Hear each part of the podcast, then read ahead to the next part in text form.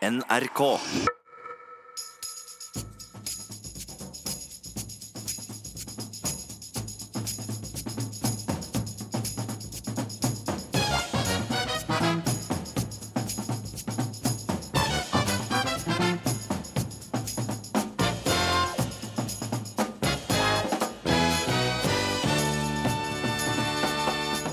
Bør vi frykte krig nå? Putin raser over angrepet på Syria og kaller det brudd på internasjonal rett, mens Trump kaller Assad et monster som måtte stoppes. Tidligere sjef for FNs observatørstyrke i Syria kommer til oss. Det gjør også syriske Adib. Og folk med dårlig råd bør få færre barn, syns Christian Tybring-Gjedde i Fremskrittspartiet. Sånt kan han ikke bare si, svarer Mimi Kristiansson i Klassekampen. Somalisk fembarnsmor kommer for å sette begge på plass. Du hører på Ukeslutt i NRK P1 og P2. Jeg heter Gry Veiby. Vi starter denne sendinga med nattens tale fra Trump. My fellow Americans, a short time ago, I ordered the United States Armed Forces to launch precision strikes on targets associated with the chemical weapons capabilities of Syrian dictator Bashar al Assad. A combined operation with the armed forces of France and the United Kingdom is now underway. We thank them both. Stormaktene er på tå hev, og alle lurer vi på hva som nå vil skje. For det har vært noen dramatiske timer det siste døgnet. I natt angrep USA, Frankrike og Storbritannia mål i Syria. Samtidig har Russland og Iran varsla en motreaksjon. Og utenriksmedarbeider her i NRK, Sigurd Falkenberg Mikkelsen, la oss bare starte med, hva, det, hva vet du om det som skjedde i natt?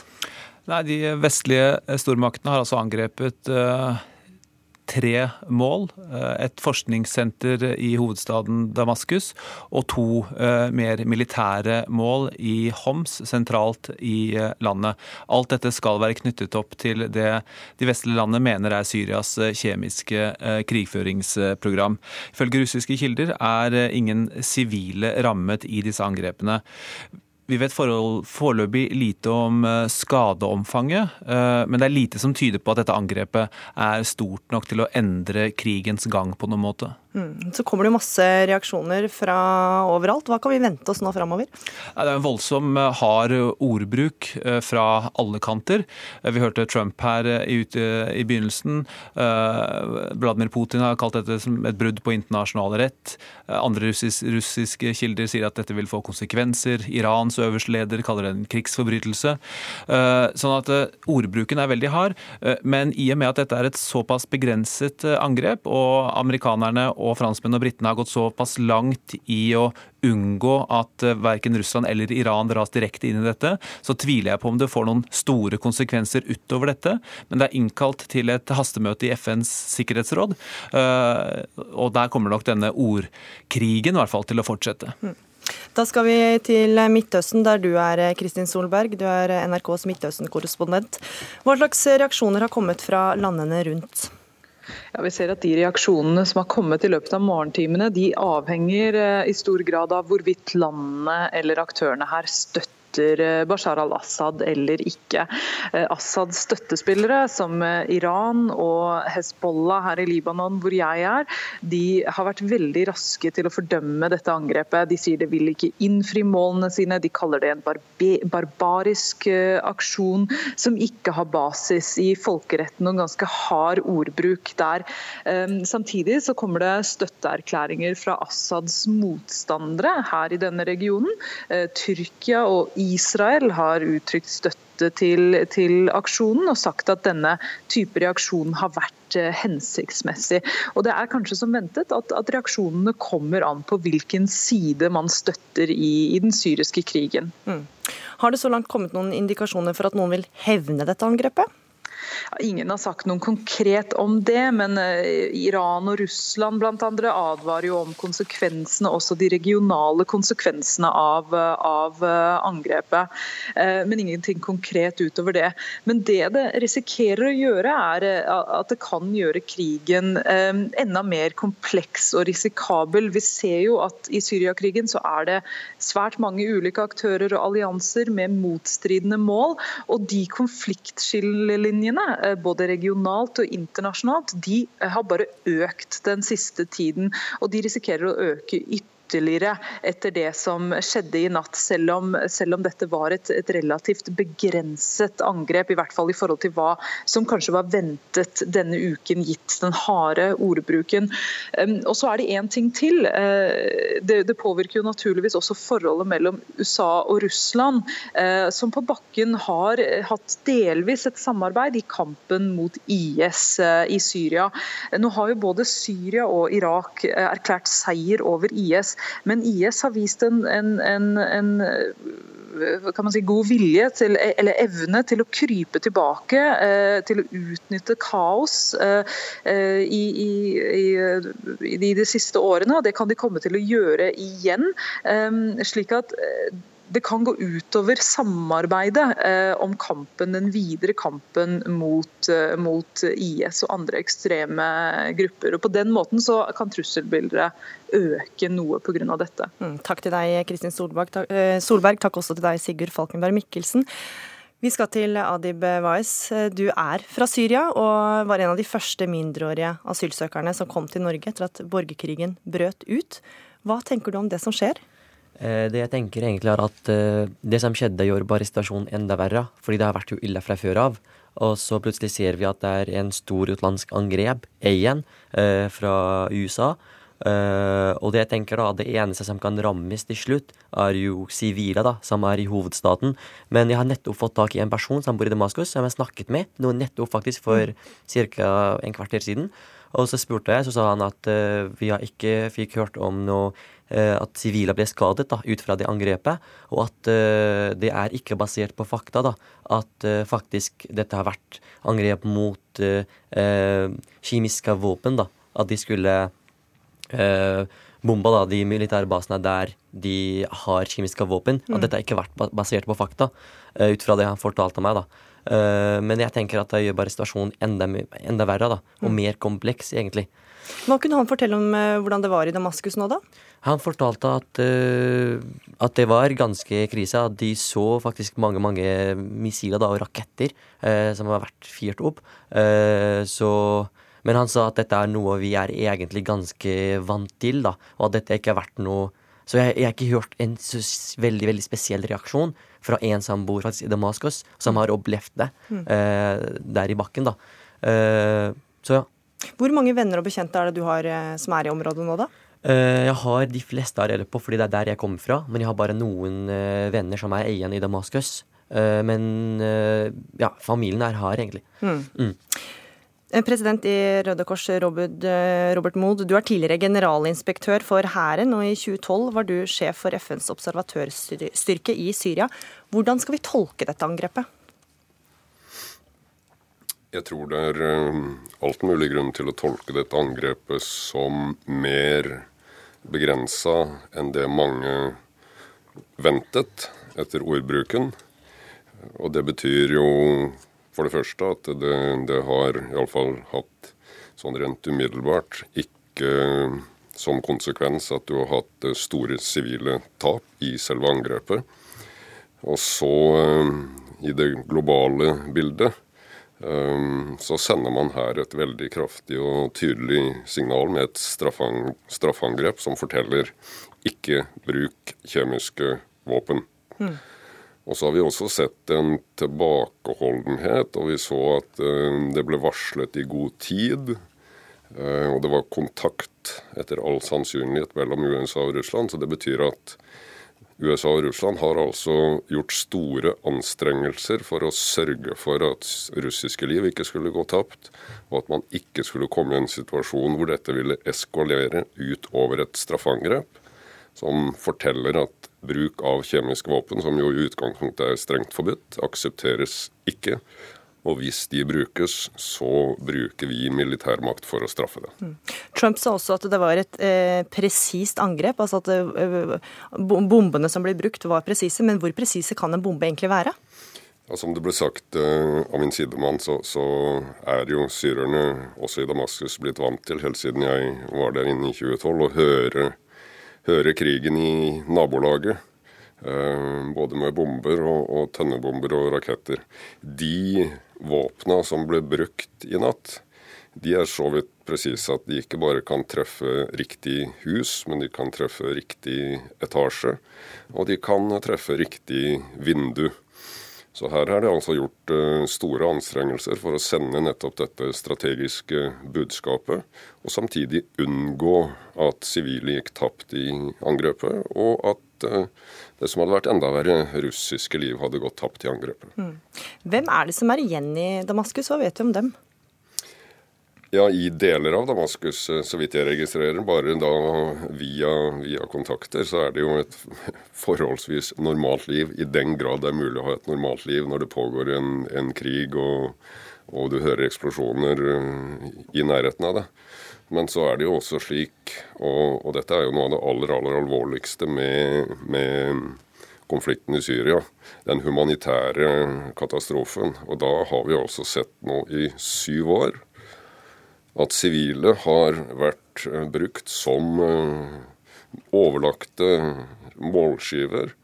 Man har angrepet sårede, man har angrepet sykehus, skoler, ambulanser eh, med overlegg. Og jeg kan jo nevne at Syriske Røde Halvmåne har altså mista mer enn 75 medarbeidere som er drept i løpet av disse sju åra. Så i Syria så er det, og i nærområdene til Damaskus er det jo fortsatt mange, mange tusen mennesker som nektes mat, som nektes helsehjelp, som nektes vann, og som rett og slett holdes som gisler i denne situasjonen. Så taperen her, det er jo de sivile. Mm. Angrepet i natt kom jo fra Norges allierte. Hvor sannsynlig tror du det er at Norge blir involvert i denne konflikten? Det tror jeg ikke er veldig sannsynlig, for dette er jo et, eh, et straffangrep med, med begrenset omfang. Og det ser ut som man har eh, gjort gode forberedelser, slik at sannsynligheten for at dette vil eh, spinne ut av kontroll er relativt liten. Men det interessante her i det store bildet er jo at av de fem permanente medlemmene i Sikkerhetsrådet, som jo er den institusjonen som kan autorisere bruk av makt på den måten, så er det tre medlemmer, USA, Storbritannia og Frankrike, som går sammen om å bruke makt mot Russlands vilje, og om ikke høylytt, så iallfall stilltiende motvilje fra, fra, Kina. Så dette forteller, forteller, oss om et blokkert sikkerhetsråd mm. som ikke utøver funksjonen som en overnasjonal autoritet, og som, som, da kan håndtere og motvirke denne type konflikter. Og det er jo eh, betenkelig i den usikre situasjonen vi nå befinner oss i. Men faren for storkrig eh, syns du ikke er overhengende? Jeg møtte en klok, eh, en av mange kloke syrere eh, i, i, siste gangen jeg var i Syria, som sa hvis du vil forstå denne konflikten, så følg bombene i større grad enn ordene. Og Hvis man her følger bombene, så er det også slik at det er sendt et kraftig og tydelig signal. Kjemiske våpen aksepteres ikke. Da angriper vi med militærmakt. Samtidig har man latt regimet være relativt uberørt, og man har gjort sitt aller ytterste for at russiske liv ikke skulle gå tapt, og at dette ikke skulle komme ut av kontroll. Så vi vet nå, etter måten det blir gjennomført på, at aktørene ikke ønsker verken en regional krig eller en krig som spinner ut av kontroll. Hvorvidt de lykkes, det vil bare tiden vise. Adib Wais, hvordan er det å sitte i Norge og nok en gang si at fødelandet ditt er eh, på forsiden og preger nyhetene?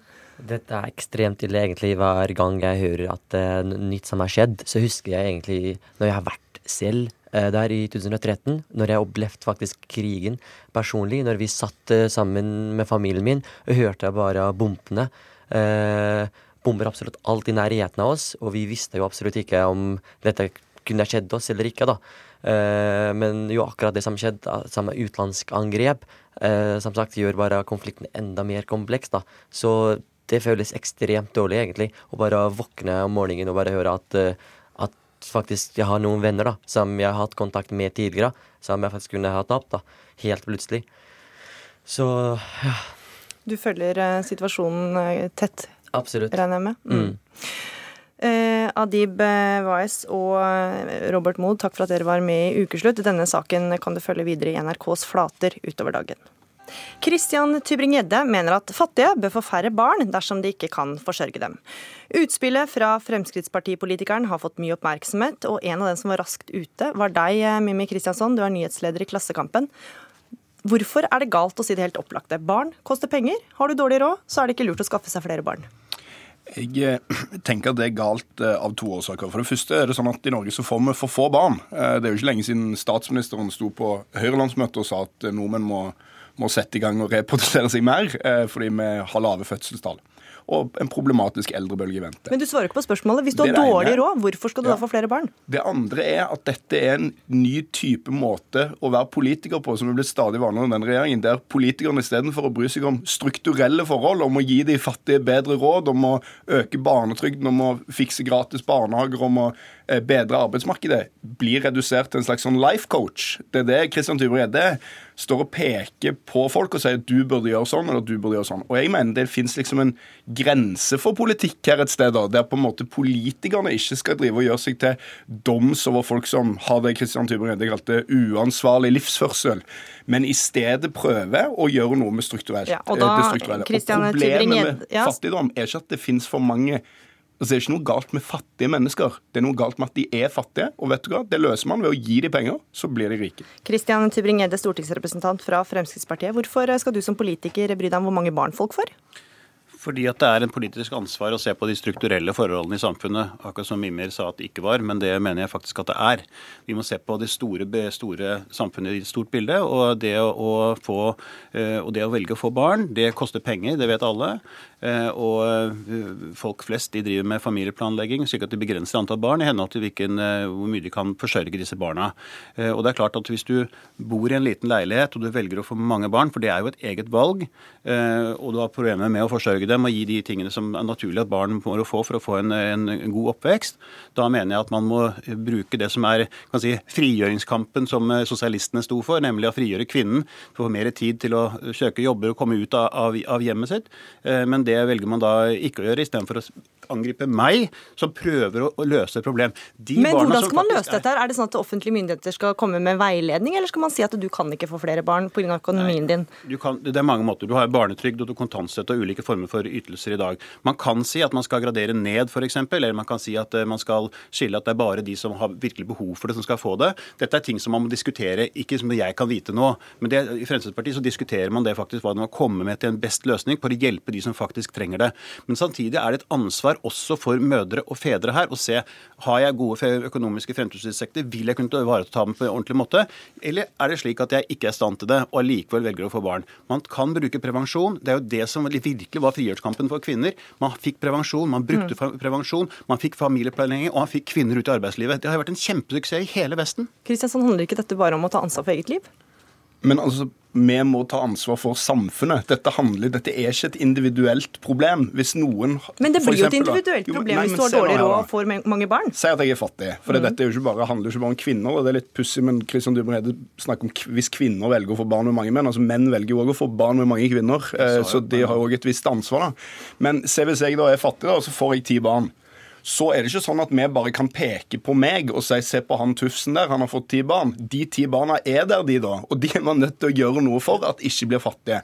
Og var det sånn at politikerne hadde ingen verktøy, ingen påvirkningsmuligheter, kunne ikke gjøre noe med barnefattigdom, så hadde det jo kanskje vært en diskusjon om livsvalg. Men det fins jo masse sånne ting. Barnetrygden i Norge den har stått på stedet hvil uten å justeres opp Så den vil du eh, i takt med pris. Ja, øke, dobles på barnetrygden. Det er en åpenbart treffsikkert tiltak mot barnefattigdom. Det koster ikke noe særlig mer enn de skattelettene som deles ut til de rike fra Tybring-Gjedde og hans regjering. Og det kan man ganske enkelt gjøre, og da vil man få bukt med fattigdommen som problem. Og i tillegg vil vi jo få flere barn i Norge, Kristian, som vi trenger, som vi vil ha. Flere gode norske innbyggere som ikke vokser opp i fattigdom, men kan være med å bære dette landet videre i framtiden. Altså, første, struktur er én ting. Det er langsiktige. De barna som er født, skal vi selvfølgelig hjelpe. Det er jo helt meningsløst å si at vi ikke skal hjelpe de barna som faktisk finnes, det skal vi.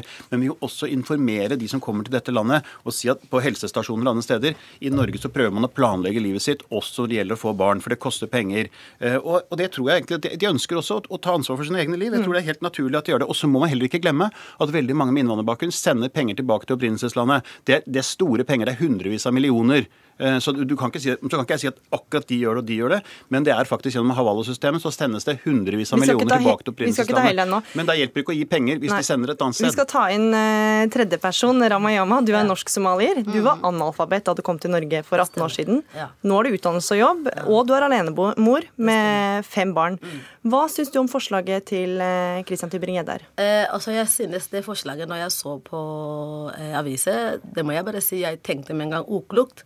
Altså, i mitt hode det er, det er veldig lett å sitte og, og så sier noen og så skrive en innlegg om noen som kanskje du har ikke peiling på. Og det jeg tenker at eh, det kan jeg tenke at eh, som Kristian, som kanskje har fått en familie som er rik har ikke fryktet til et annet nytt land og lære et nytt språk og nytt klima og ikke minst alt det der, er kanskje mye enklere. Men altså Når jeg tenker på de, de grupper som han har nevnt, det er jo veldig forskjellige. Og andre ting at det, det er noen som familie har kommet allerede. De har elleve barn. Ja. Og da skal vi si med de barna Men skal... hva med de som kommer til eh, Norge og kanskje har tre barn? Da burde de få veiledning om at det lønner seg ikke å få flere barn fordi økonomi tilsier ja, og det. er akkurat det jeg tenker. Det, det hjelper ikke å sitte og, se, og si at de må ikke få det barn. Men det hjelper å bruke riktig tiltak som og først og fremst at hjelpe å gjøre mye enklere for at kvinner kommer få utdanning. Når kvinner får utdanning, det vil jeg tror først og fremst at der skal begynne å skje endring. Og, og ikke minst at begge to foreldrene kan ha mulighet til å komme i arbeid så lett som mulig. Fordi når begge to er, er på jobb, det er jo selvfølgelig det er de som forsørger selv barn, og det er de selv kan begynne å se at den belastningen og eh, vanskeligheten når du har 11, 10 eller 5 barn. Mm. Altså, først er det viktig å presisere at denne debatten som Kristian Tybring-Gjedde har startet, den handler jo ikke bare om innvandring. Det er jo sånn at eh, Halvparten av fattige barn i Norge har etnisk norsk bakgrunn, og den gruppen øker òg. Sånn at eh, For Kristian Tybring-Gjedde så spiller det ikke noen rolle om, om barna er, er, hvite eller sorte. Det er bare er de fattige eller ikke som er på en måte problemet. Og jeg mener at på en måte så sier jo Kristian Dorede noe som kan si er fullstendig ukontroversielt. Er sånn at Folk burde bare, de burde planlegge, de burde gjøre lure valg, de burde være kloke. Begynne å trene, slutte å røyke, ikke gjøre dumme ting. Men spørsmålet er er det den politiske debatten vi skal ha om barnefattigdom i Norge. Fordi Kristian Tybring-Gjedde sitter jo som stortingsrepresentant i Norge for en regjering som når som helst kan øke barnetrygden. Og dermed avskaffe en del av problemet med barnefattigdom. Han sitter jo i en regjering som nå som helst kan fjerne kontantstøtten, som vil få flere damer ut i arbeidslivet. Han sitter jo i en regjering som ja. nå som helst kan sette en makspris på barnehager. Men hvorfor ikke bare øke barnetrygden, da, f.eks.? Altså, kunne ikke det fått barn ut av fattigdom? Det kan godt hende. men sitter, sitter vi, vil ikke få barn ut av fattigdom, men det kunne være en hjelp for de som har dårligst råd i dag. Jeg er helt enig i det. Mm. Du, så du har struktur, og så har du de som er fattige i dag. Jeg er helt enig i at det kan være grunner til at man skal øke barnetrygden. Fjerne kontantstøtten har jeg vært imot hele tiden. Den var heldigvis bare elleve måneder. Men det som er viktig, er at de kvinnene som får mange barn, de har jo liten mulighet til å komme ut i arbeidslivet, for de er hjemme med disse barna. Og Mimir sier at det er viktig å få de ut i arbeidslivet. Dette har jo vært sosialistenes kamp i alle år. Hvorfor kan ikke sosialistene stå på barrikadene for dette, slik at kvinnene også innvandrerkvinner, kommer ut, jobber som deg, og jobber som andre steder. Og all ære til deg som har fått jobb og kommet ut. Du kan ta vare på barna dine. Fantastisk. Men det er mange som ikke er i stand til å gjøre det. Under press, kanskje kulturelt press, det vet jeg ikke. At prevensjon brukes mindre. Men det er viktig at de kommer inn i Norge, får familieplanlegging og blir som deg, Mimir, og blir som meg, mm. slik at vi kan planlegge for livene våre. Det er helt avgjørende. Ramayama, du nikker. Ja, og da, da vil jeg egentlig si innlegg om akkurat det der Kristian eh, sier nå det å gi det å, den måten for at jeg klarte å komme videre, og ikke minst at andre vil jeg tro de kunne hjelpe Det, det, det hjelper ikke å ha de uttalelsene som er på, på, på, sosiale medier, som drar meg ned, som gjør meg at jeg blir demotivert. Men det å Den opprinnelige formuleringen til er, lignende, ja, akkurat. Ja. Lignende, ja. Mm. Det, også, jeg tenker at det å gi muligheter, det å, å, å, å gi, gi tillit til det mennesker som vil komme ut. Og det å ikke ha utdanning, det å ikke ha den forståelse i det store livet som vi lever her i Norge, det er jo helt umulig til å forstå. Jeg kan, jeg kan, jeg kan forstå om fem år siden, om jeg kunne høre dette her. Det kunne jeg ikke klare å reflektere som jeg gjør i dag. Så jeg mener til å hjelpe de folka, vi må bruke de tiltaket som tilpasser av, av, til, til det gruppe som de har det behovet, for å hjelpe å komme videre til å få jobb. Men det hjelper ikke. Og jeg også andre ting kan jeg tenke, det kan gjøre enkelt til å ha en eh, stigmatisering og ikke minst mobbing på skole for de fire-fem grupper som du har nevnt. At å begynne på tiende klasse og videregående sitter og sier dere er pakistanere somaliere, dere må slutte å ha mer barn. Kan du forstå at utspillene dine kan virke stigmatiserende, da? Nei, fordi at Dagsavisene skal selge aviser, og de kommer med et populistisk ingress, det kommer med en populistisk overskrift. Det som sto i selve artikkelen, det var fornuftig. Men det som står i ingressen, det er jo det at Christian Tybring-Gjedde vil at staten skal bestemme hvem som, hvor mange barn man skal få. Det er jo helt Hvorfor skal jeg si det? Og hvilken interesse skal jeg ha å si det? Det er jo meningsløst. Og man ikke tror at det er det jeg sier. Og det, og det som jeg sier, helsestasjoner og andre steder hvor eh, innvandrere da møter eh, norske myndigheter, det er jo der informasjonen må ligge. og for fortelle dem at det er kostbart å ha barn i Norge. Det er slik at eh, det må man ha ansvar for. Hvis du har liten fremtidsutsikter for å få økonomiske inntekter i fremtiden, og at kvinnen presses hjem, ofte for at mannen ofte er den som er lite hjemme i disse miljøene, og kvinnen presses hjem og passer på barna. Det er uheldig. Og det er der Mimir og jeg skulle stått på barrikadene og stått i 1. mai-tog og sagt vi frigjør kvinnene i innvandrermiljøene, få de ut i arbeidslivet, forstå at du må ha færre barn for at du skal frigjøre ja. deg selv. Det Mimir skulle vært vårt slagord. Men altså, Jeg står på de barrikadene Christian Dybredde, mot barnefattigdom. Men hvorfor er det da så kontroversielt å si at man må ha mer familie familieplanlegging, f.eks. Men det som er kontroversielt med ja. dette utspillet, det er at det føyer seg inn i en veldig lang og ikke spesielt pen tradisjon, der mennesker som har posisjon, makt, er velstående, politikere osv., skal fortelle fattige mennesker hva de gjør galt i sine liv, framfor å prøve å løse de problemene på en politisk og strukturell måte. Og så er det jo spesielt da, at det alltid er kvinner, og hvordan kvinner velger å bruke sin livmor. altså menn som får mange barn, har akkurat like mye ansvar for det som damer. Men alt dette handler selvfølgelig alltid om kvinner og hva de velger. Og jeg tror at jeg syns det er en svær ansvarsfraskrivelse fra Christian Dybreide. For han sier vi skulle stått på barrikadene og sånn. Altså, men det er dere som styrer landet her. Og dette her lar seg løse med et pennestrøk hvis dere øker den barnetrygden.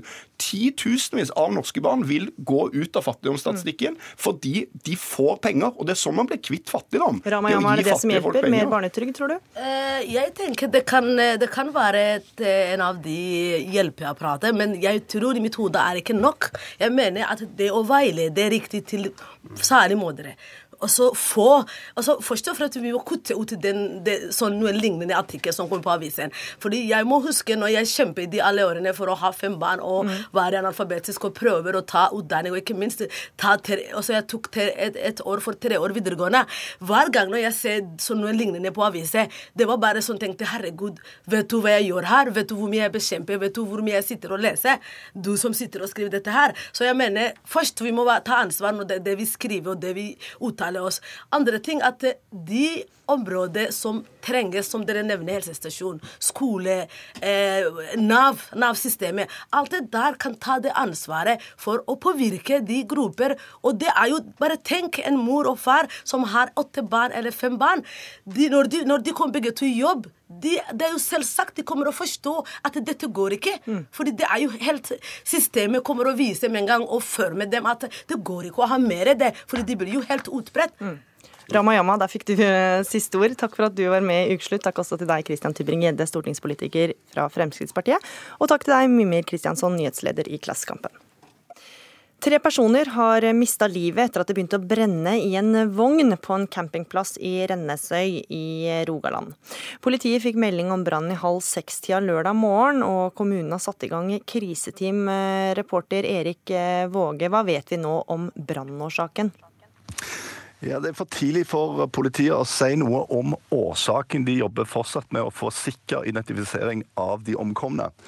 Men det som du sier, de fikk melding halv seks, og ifølge vitner som jeg har snakket med, så, så skal de ha våkna av et smell og sett at, at campingvogna allerede var overtent. Så, så de har kanskje ikke hatt så veldig gode odds å jobbe med. Har politiet oversikt over situasjonen nå? Ja, Politiet har krimteknikere som jobber på stedet, og det kommer til å pågå en, en, stund utover dagen. og I tillegg så er det etterforskere som avhører eh, vitner, for det skal ha vært en del folk til stede på campingplassen da, da denne brannen inntraff. Mm. Du var eh, tidligere ute på campingplassen. Eh, hvordan var det der? Hva så Nei, du? Det er, klart, det er klart at den utbrente campingvognen står igjen på stedet, inngjerda, akkurat nå. men Men eh, campingplassen fungerer for så vidt som normalt. Den holder åpent, men folk er jo tydelig prega av hendelsen. og dette er en sånn type campingplass som har mye faste gjester. altså Folk kjenner hverandre veldig godt. og Da blir jo så, en sånn hendelse utrolig mye tyngre å, å, håndtere. og Det har jo vært kriseteam der fra, fra morgenen av. og folk har vært samla i kafeen, og det er klart at det er tungt for veldig mange, dette her. Mm. Du følger eh, situasjonen videre. Takk for at du var med, Erik Våge. Du hører på Ukeslutt i NRK P1 og P2. Fortsett med det. Nok en gang vaia naziflagget i Kristiansand. Hvorfor skjer det i min hjemby, spør Ukeslutts reporter. Og eh, det blir vanskeligere å lære elevene mine om mobbing når norske kjendiser snakker stygt om den plastisk opererte Paradise Hotel-profilen Isabel Rad, sier lærer. Det å kritisere Norges mest leste blogger er ikke mobbing, svarer programleder. Kristiansand er eh, byen mange forbinder med sommer, sol og apekatten Julius. Men mandag denne uka, altså 9. april, måtte politiet fjerne et naziflagg og flere bannere fra det gamle statsarkivet i Kristiansand. Og i fjor sommer marsjerte nazister gjennom byens gater uten å bli stoppa av politiet, til manges store forargelse. Reporter Daniel Eriksen har tatt turen til sin hjemby, der han møtte mange sinte sørlendinger. Altså, Det er jo en tragedie. Helt forferdelig. Altså, og, og så alle ting på arkivet. Det er jo selvfølgelig en bevisst handling. Så jeg, jeg vet jo, jeg ble sjokkert. Helt sjokkert. Det er avskyelig. Jeg vet ikke hvorfor folk finner på sånt, men de, de burde jo absolutt la være. Jeg syns det er respektløst. Du rokker med noe i sjela mi som bare ikke er bra. Det er, det, er, det er bad. Det er skikkelig ille. Det er ikke noe hyggelig. Jeg mener at det er mye mer alvorlig enn noen guttestreker. Eh, fordi at etter eh, at nynazistene marsjerte gjennom Markens i sommer, så har det vært et sånn bevissthetsnivå på dette at det kan jeg nesten ikke forstå er guttestreker. Nei. Det er ikke bare guttestreker lenger. De vanligvis så sindige sørlendingene på Markens i Kristiansand er forbanna. De fikk nok allerede i fjor sommer da nazister marsjerte gjennom Kristiansand under politiets beskyttelse. Men når de samme folkene henger opp naziflagg på arkivet natt til 9. april, er det ikke greit lenger. Det er jo ikke akkurat en ting å tulle med, da, syns jeg. Nei. Det syns de heller ikke på Arkivet, der naziflagget for første gang siden andre verdenskrig ble heist denne uka. Direktør Audun Myhre tar oss med ned i kjelleren for en liten påminner om hva som skjedde sist flagget vaia over byen. Eh, og Da skal vi bare åpne opp inn til den ene cella her. Og det kunne jo sitte alt fra ett menneske på ei sånn celle til 15-20 personer. Og det, det en ikke klarer å rekonstruere den lukta som var her, når du har altså en, en pøs her, kanskje til 15 mennesker, hvor en skal gjøre sitt fornødne. Hundrevis av mennesker ble torturert, hvor mennesker ble avhørt og ble sendt videre til den visse død i konsentrasjonsleirer i Tyskland. Og det er, jo, det er, jo, det som er så sterkt med det at dette naziflagget ble heist ut forbi arkivet natt til 9. april. Myhre vet hvem disse folka er. De har nemlig funnet på lignende ting før. Men nå mener han de har trødd over ei grense. Det er jo ikke første gang de er her, men det er første gang at de tar seg til rette på en sånn måte at dette også blir en politisak. De har vært her tidligere og, og hengt opp eh, litt materiell og markert seg litt sånn. Der får Myhre støtte av politiet. Politistasjonssjef Ole Hortemo forteller at flaggstuntet var ulovlig. Til forskjell fra tidligere som de har aksjonert, så har de vært veldig nøye på å holde seg innenfor loven om ytringsfrihet. Men denne gangen har de gått et skritt videre ved at de også bruker eh, tekst- og symbolbruk som åpenbart er overtredelse av paragraf 185 om hatefulle ytringer. Horstemo sier politiet kjenner disse folkene godt. Så hvem er de egentlig? Disse tre som vi pågrep natt til 9.4, er godt kjent av politiet fra tidligere. De har vært knytta til den nordiske motstandsbevegelsen over lengre tid. De er mellom 35 og 40 år.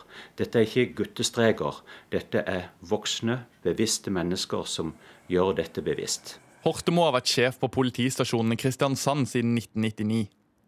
Han kjenner Kristiansand, og spesielt godt kjenner han de nynazistiske miljøene som man har sett blomstre opp igjen og igjen. Vi har i mange år eh, hatt eh, såkalte bølger av eh, høyreekstreme som har poppa opp i Kristiansandsområdet. Hvorfor, kom, hvorfor er det her det er nazister? Hvorfor er det her de marsjerer? Hvorfor er det her de henger opp eh, 9. april-flagg på Gestapos gamle hovedkvarter? Hvorfor Kristiansand? Det kan jeg nok ikke gi noe fullgodt svar på, men vi bare ser at det har poppa opp miljøer eh, på den høyreekstreme sida med uregelmessig eh, mellomrom over mange, mange år. Så dette har vi hatt i hvert tiår eh, helt siden krigen nest. Men til tross for den stadige oppblomstringa, mener Hortemo at de har god kontroll på situasjonen. Det er færre nå som er aktive enn det har vært eh, i de tidligere bølgene og toppene vi har hatt. Så vi har god oversikt over miljøet. Vi kjenner hvem de er, vi vet hvor de bor, vi vet hva de driver med. Ukeslutt har vært i kontakt med den nordiske motstandsbevegelsen, som lovet oss et telefonintervju. Men siden tirsdag har de ikke besvart våre henvendelser. Er det, det, er jo rett og slett eh, vår eh, operasjonssentral, kan du nesten kalle det.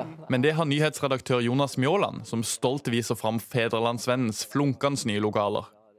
Her satt journalistene mandag morgen og diskuterte hvordan de skulle dekke saken om naziflagget. Ja, Det er absolutt en, eh, kan du si, en utfordring, og det er en diskusjon som vi har i redaksjonen. Eh, hvor mye kan du si, plass og rom vi, vi skal gi det.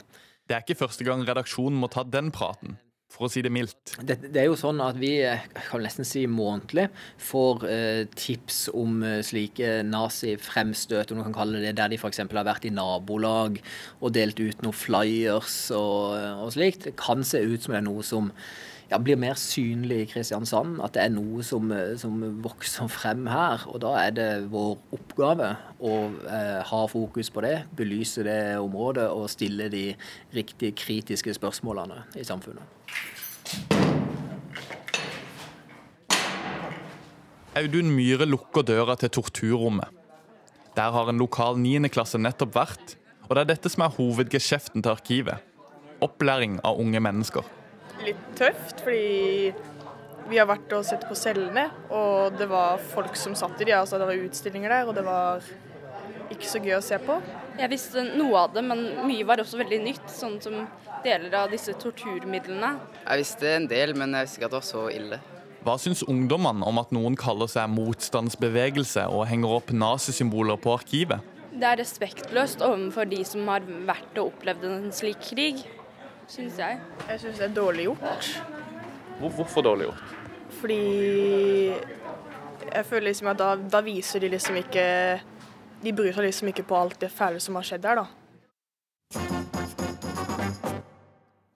Blant eh, små bikinier, pålimte vipper og løsnegler er det én deltaker i Paradise Hotel som har fått ekstra mye oppmerksomhet den siste tida. Hun heter Isabel Rad og presenterer seg selv slik i TV3-serien. Jeg har langt hår, store pupper, lange vipper, og alt er faktisk ekte. I år så ser jeg kanskje litt annerledes ut. Jeg vet ikke om dere kjenner meg igjen, men jeg er fortsatt Isabel Rad. Men i år er ikke alt ekte. I år er alt fake. Nesen er ny, puppene er nye, og rumpa er ny. Denne gangen så tenker jeg å spille røft og ice cold. I finalen så tenker jeg at hvis det er en som står meg nære, så jeg ber han slippe kulen. For pengene er ikke viktig for meg. Rad driver en av Norges mest leste blogger, og har både skrevet og snakket åpent om at hun har operert bl.a. puppene, rumpa og nesa. Og det går ikke ubemerka hen. Flere kjendiser har kritisert Rad. En kritikk som grenser til mobbing. Det mener du, Åshild Fagerjord. Du er lærer og skriver i Aftenposten at det gjør din jobb som lærer vanskeligere. Hvorfor gjør det det? Jo, fordi jeg mener jo at daglig i skolen så jobber jo vi forebyggende mot mobbing. Vi har stort fokus på nettmobbing, netthat og det å bruke nettvett. Vi prøver å lære barn og unge det. Og her er det altså deres store idoler og forbilder som driver med akkurat det vi arbeider mot. De kjendisene med Morten Hegseth, Sigrid Bonde Tusvik, flere av de jeg har skrevet om klinikken, de eh, kamuflerer seg bak at dette er kritikk eller dette er humor. Men det som har holdt på i de siste ukene, det er mobbing. Vi har vært i kontakt med Tusvik og Tønne, som ikke hadde anledning til å være med. Men det hadde du, programleder i VGTV, Morten Hegseth. Hvor eh, bevisst er du på at det du sier, er det elevene til eh, Åshild Fagerjord, femte- og sjetteklassinger, som sitter med å følge med på det du sier? For det første så er jeg bekymra for elevene til Åshild. som eh, Det er mange, altså det er 50 000 barn og unge i dag som opplever mobbing. Og når vi kaller det her mobbing, så utvanner jo begrepet totalt. og Det har jeg òg fått mye tilbakemeldinger på, og har tatt opp at når det er så utrolig mange som sier sånn å, det her er mobbing, det her er hetsing, men dette er jo kritikk. Og når vi kom, bruker det ordet her, så utvanner vi begrepet mobbing, som er noe helt annet. Og det handler jo om at Norges største blogger, Isabel Rad, i lang, lang tid har promotert kosmetiske operasjoner på bloggen sin, som jeg tipper har en sånn fanskare på mellom 10 og 18 år, kanskje, der vi har, som du sa, ikke sant, operert rumpa, nesa, vi har tatt leppene, vi har tatt Botox, vi har gjort alt som er mulig. Og det da å rette kritikk mot det her, det mener jeg er helt på sin plass, og det er ikke mobbing. Og dette er litt sånn irriterende og litt sånn tidstypisk for norske kjendiser i dag. fordi i det ene øyeblikket så er vi vellykka karrierekvinner som tjener millioner, og vi har så mye makt, og vi kan gjøre det ene og det andre, og folk gjør, gjør alt vi vil. Og så får vi kritikk, og så er det med en gang buhu, jeg er et mobbeoffer. Og det at da en lærer nå går ut og sier, sier sånn Tusvik og Tønne, Morten Hegseth, Mads Hansen, Kristin Gjelsvik er mobbere, det er ikke sant. altså. Dette er kritikk som, eh, som er en diskusjon som absolutt trengs i Blogg-Norge i dag. Ja, ok. Eh, her var det jo veldig mye å ta tak i, men eh, det viktigste først. Enten du liker det eller ikke. Eh, om du mener selv at du ikke fremstår som en mobber, du med flere andre i spissen, det kan jo du velge, men da vil jeg spørre deg. Hvem er det som har makten til å definere hvem som blir mobba? Er det Isabelle Rad som har sittet og grått i, i sin egen film, som har sagt ifra stopp, jeg tåler ikke mer, jeg takler ikke mer, dette går over streken? Er det henne som har eh, makten til å definere om hun er mobbet, eller er det du som en journalist som henger henne ut, hetser henne, eh, står og snakker stygt om henne i offentligheten? Nå må du slappe av litt, tenker jeg. Vent litt, Hegseth. Rad, Hegseth, Rad har jo selv sagt at hun føler seg mobba. Da er ikke det et tydelig ja, ja, signal på at det er nok? Det er jo et enkelt kort å dra med en gang du ikke takler kritikken. Så sier de buhu, jeg blir mobba. Eh, jeg tenker jo at det er et enkelt kort å dra, og at selvfølgelig, hvis hun opplever det sånn, så er det trist, men det er et veldig typisk kort å dra. Nei, jeg kan ikke ta kritikk, jeg blir mobba, så blir du verna for alt, og så kan du bare holde kjeft, og så kan du fortsette som du alltid har gjort. Og dette her er ikke mobbing. Vi bedriver ikke mobbing, dette er kritikk. Jeg er, ikke kritikk. Jeg er journalist, jeg, altså, jeg jobber som programleder i VGTV. Jeg har en podkast som kommenterer underholdning, og jeg jobber som uh, kommentator på norsk underholdning og kjendiser. Det at jeg i en liten setning i debatten for fem uker siden sa at uh, det, det, må jeg også si da, som utløste det her, sa at det er veldig mange som ser på den bloggen og blir påvirka, men 90% peker og ler og tenker ha-ha. Ja, hvorfor Grunn, sa du det? Grunnen til at jeg sa det, var fordi å altså, ikke liksom gjøre dette her så farlig. Fordi det var noen som sa at uh, Isabel Rad nesten nærmest kastes, kaster plastisk kirurgi over Norge. Det er ikke så alvorlig. Det var grunnen til at jeg, til jeg sa det, og det var kanskje litt flåsete sagt.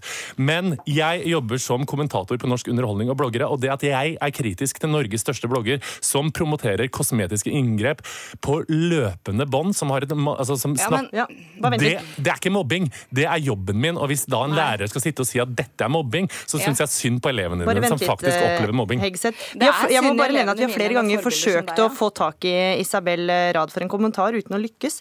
Og Fagerjord altså hun driver da en av Norges mest leste blogger og selv valgt å være en offentlig person. Hun har tatt mye plastisk kirurgi. Bør hun ikke da tåle et kritisk blikk? Eh, det er helt klart at hun bør tåle et kritisk blikk, og den debatten er jeg med på når som helst. Men det her handler ikke om det. Det er en grunn til at jeg skrev det innlegget, og det handler om en debatt som Morten Hegseth og som de andre kjendisene nekter å ta.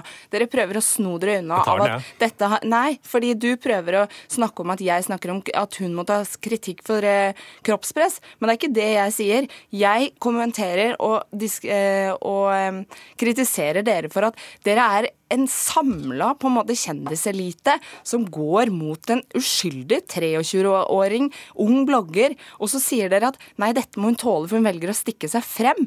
Hva er det for noe? Altså, Hva er det dere tror at dere holder på med? Greit, nå kan, vi, kan jeg oppsummere kort. Greit, hun er 23 år gammel blogger. 23 år er i min bok en voksen kvinne. Hun er også en kvinne, og jeg syns det er en sånn sexistisk tendens til å undervurdere kvinner. Det er et eller annet som du sier, og sånn stakkar, hun er en ung kvinnelig blogger, hun må ikke få kritikk. Hun er i full stand til å ta kritikk. Og hvis du mener ja, at jeg må... Ja, hun hadde tatt saklig kritikk. Ikke sant? Hun hadde tatt saklig kritikk. Men det at jeg har vært kritisk til Isabel Rad, er over overhodet ikke mobbing. Og dette må vi faktisk se litt på, da, for det er jo et eller annet i forhold til det å oppleve dette er ganske tungt, og det skal hun få lov til å gjøre. Men, du sier jo... at 90 nei, nei, av hennes lesere sitter og ler da, når de nei, ser på henne? Altså, det har jeg sagt før, og det sa jeg i podkasten min, at det var en sleivete formulering. Men jeg har uttalt ja, meg dere, flere dere... ganger, ikke sant? så det er ikke bare det dette her går på, og det, den tar jeg. Men det, dette her blir altså, Du har jo sett den lille kommentaren min, kommentarene til Kristin Gjelsvik, til Mats Hansen og til andre. Det blir blogget om, det blir Instagrammet om, det blir Snapchattet, Snapchattet om, det blir lagt ut Instagram-poster der du gråter. Det er jo en klar utnyttelse i denne kritikken og denne sårbarheten for å få mer sympati, flere da... lesere og flere likes. Hegseth skal vi la Fagerjord svare her. Jeg, jeg, jeg, må bare innrømme at jeg blir helt satt ut av at det går an å ikke At man ikke evner å se at det man driver med, er eh, mobbing og netthets og netthat. Altså, det, det, en, det, har vært et enormt trykk mot Isabelle Rad. Mats Hansen, din eh, kollega i VG, Med. har altså, på, prøvd å poste en usmakelig stygg video av Isabelle Rad. Han har lasta den opp fire ganger på Instagram. Men vi kan ikke fire snakke om han her nå. Ja, det er greit, men allikevel. Det handler om at dere som kjendiser, som snakker og hever deres moralfane veldig høyt overfor Isabel Rad, fordi at hun har et så stort ansvar overfor sine tusenvis av unge følgere, det er akkurat de samme følgerne du har. Syns du selv at ditt eksempel de siste ukene er til etterfølgelse for unge, eh, barn og unge? Konkretisere hva jeg har gjort som er mobbing mot Isabel Rad. Det rekker vi faktisk å uh, komme inn på. Takk for at du var med i Ukeslutt, Morten Hegseth. Takk for at du også var med, Åshild eh, Fagerjord. Mats Hansen i VG hadde ikke anledning til å være med, men sier at råd mot Rad må tåle kritikk, og at folk mener noe om henne. Det samme sier Kristin Gjelsvik uh, i en SMS til oss. Denne helga er det også landsmøtehelg, og da er det regjeringspartiet Venstre som eh, samles. Og der er du eh, reporter her i NRK, Eva Marie Bulai. Hva står på programmet i dag? Jo, tradisjonen tro så er det gruppearbeid i lærerpartiet Venstre i dag. De har eh, sittet i mindre grupper og diskutert alt fra nettopp skole til plast i havet, aktiv kulturpolitikk og narkotikapolitikk. Og under narkotikapolitikk så har de jo kommet med et forslag som har vakt mye reaksjoner ute, og også her på landsmøtet.